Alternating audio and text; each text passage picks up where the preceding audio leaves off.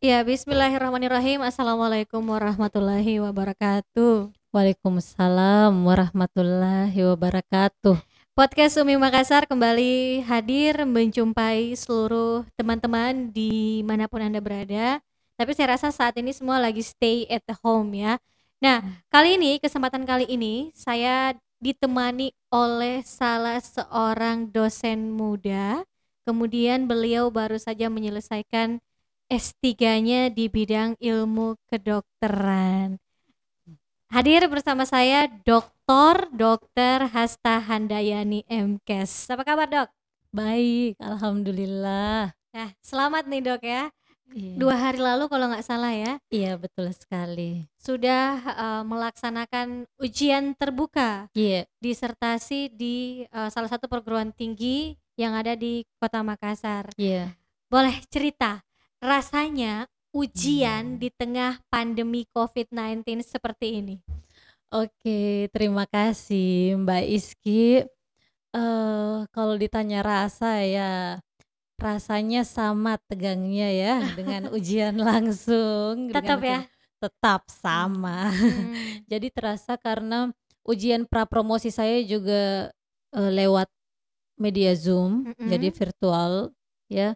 Eh, dan itu eh gimana ya rasanya? Ya, itu dia tegang dan itu saya laksanakan waktu itu di rumah, sedangkan untuk ujian promosi saya saya langsung hadir di prodi S3 Ilmu Kedokteran Unhas. Jadi ke kampus ya. Iya, saya Nah, tetap ke kampus. Gimana mekanismenya kemarin ujian waktu eh, Dokter Hasta atau Dokter Cici eh, melaksanakan ujian terbuka?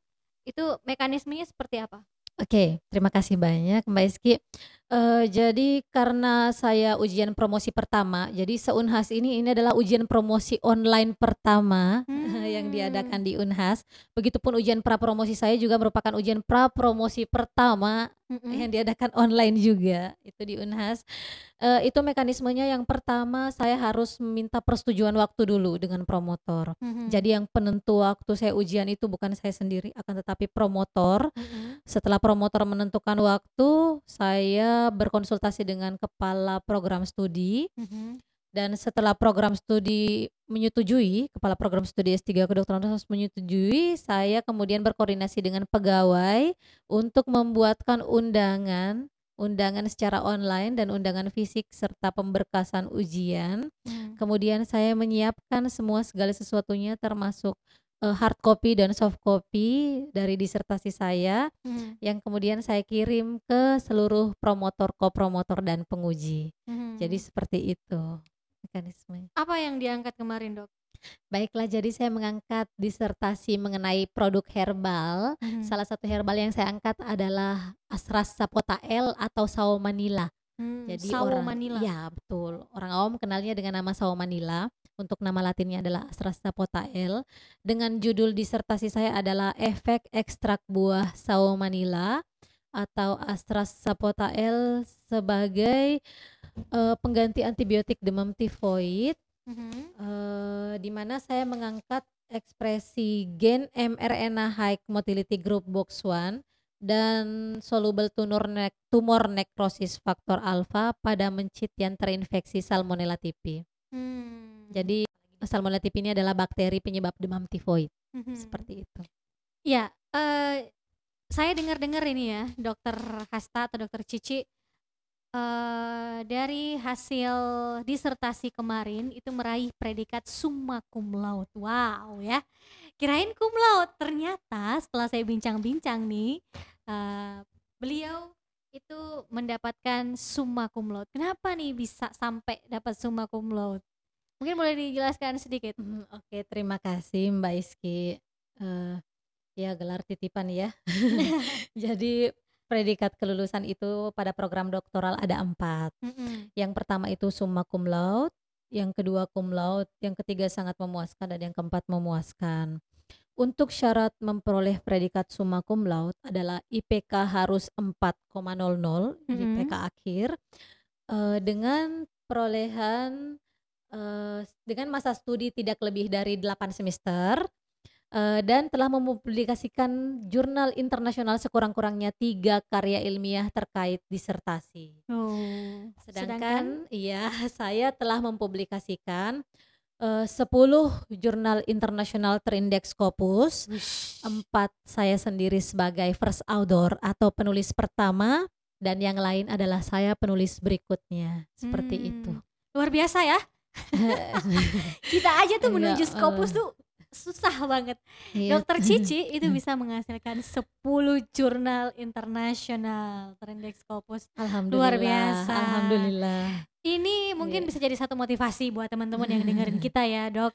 Tapi Iya, Allah. pencapaian sampai bisa membuat 10 jurnal itu gimana ceritanya? Iya, terima kasih Mbak Iski. Jadi memang tidak mudah ya untuk mempublikasikan jurnal Trindeskopus. Terus terang, saya juga mengalami banyak kesulitan. Kesulitan yang pertama adalah untuk mencari jurnal yang pas dengan tulisan saya dan jurnal yang betul-betul track recordnya bagus itu tidak mudah. Eh, yang pertama saya harus mempelajari track record dari jurnal itu sendiri, impact faktornya berapa, H indeksnya berapa, dan terakhir biayanya berapa. Berapa. Betul sekali. itu di garis bawah Iya, ya. betul sekali. Karena untuk jurnal Trendescopus itu biayanya bervariasi. Mhm. Untuk eh, kalau ada yang bertanya biaya, oke, kita akan buka-bukaan. Kui 4 itu kisaran 3 sampai 8 juta. Mhm. Eh, naik kui 3 juga sekitar segitu sampai 3 sampai 8 jutaan dan kui 2 kui 1 itu 20 sampai 40 juta per Wow. jurnal ya. Per jurnal Iya, ya. sekitar segitu biaya. Luar biasa. Ah, Nah, eh kedengaran lagi nih, saya dengar-dengar lagi ternyata eh apa yang ada di dis- disertasi dok di Dokter Cici ini itu sudah eh mau dipatenkan.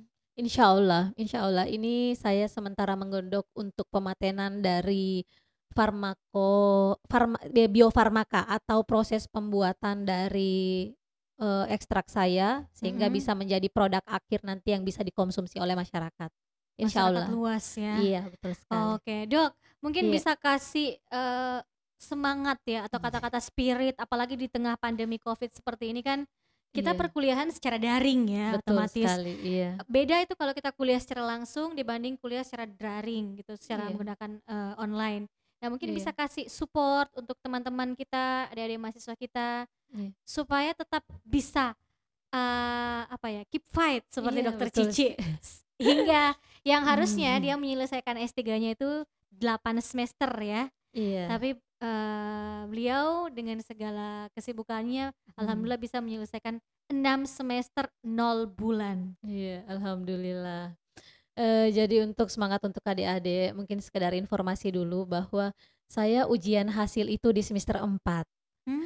Saya ujian Hmm. hasil di bulan Agustus itu di semester 4 dan karena saya kena aturan harus selesai 6 semester terakhir angkatan saya, maka saya mengisi kekosongan waktu saya dengan mencari beasiswa luar. Alhamdulillah dapat kemarin di Inggris selama tiga bulan. Itu sebenarnya adalah liburan. liburan. Liburan, Iya, liburan. liburan sekaligus publikasi. Heeh. Jadi motivasi untuk adik-adik bahwa tidak ada kata terlambat untuk menjadi lebih baik, tidak ada kata terlambat untuk menuntut ilmu, tidak ada kata terlambat untuk mempersembahkan yang terbaik. Dan berbuatlah semua didasarkan karena Allah, bukan karena ada apa atau latar belakang apa. Akan tetapi kalau kita bekerja untuk Allah, insya Allah Allah akan memberikan kemudahan dan kelancaran. Amin. Amin Luar ya biasa. alamin. Oke, terima kasih atas bincang-bincang singkat kita dengan Dokter Cici ya. Iya, Nah, untuk Anda lebih banyak. jelasnya eh, mau tahu soal apa yang dikupas atau apa yang menjadi disertasi Dokter Cici, nanti ke kami akan share ya di selalu di semua medsos dari eh, Universitas Muslim Indonesia. Oke, saya pamit. Terima kasih. Assalamualaikum warahmatullahi wabarakatuh. Waalaikumsalam warahmatullahi wabarakatuh.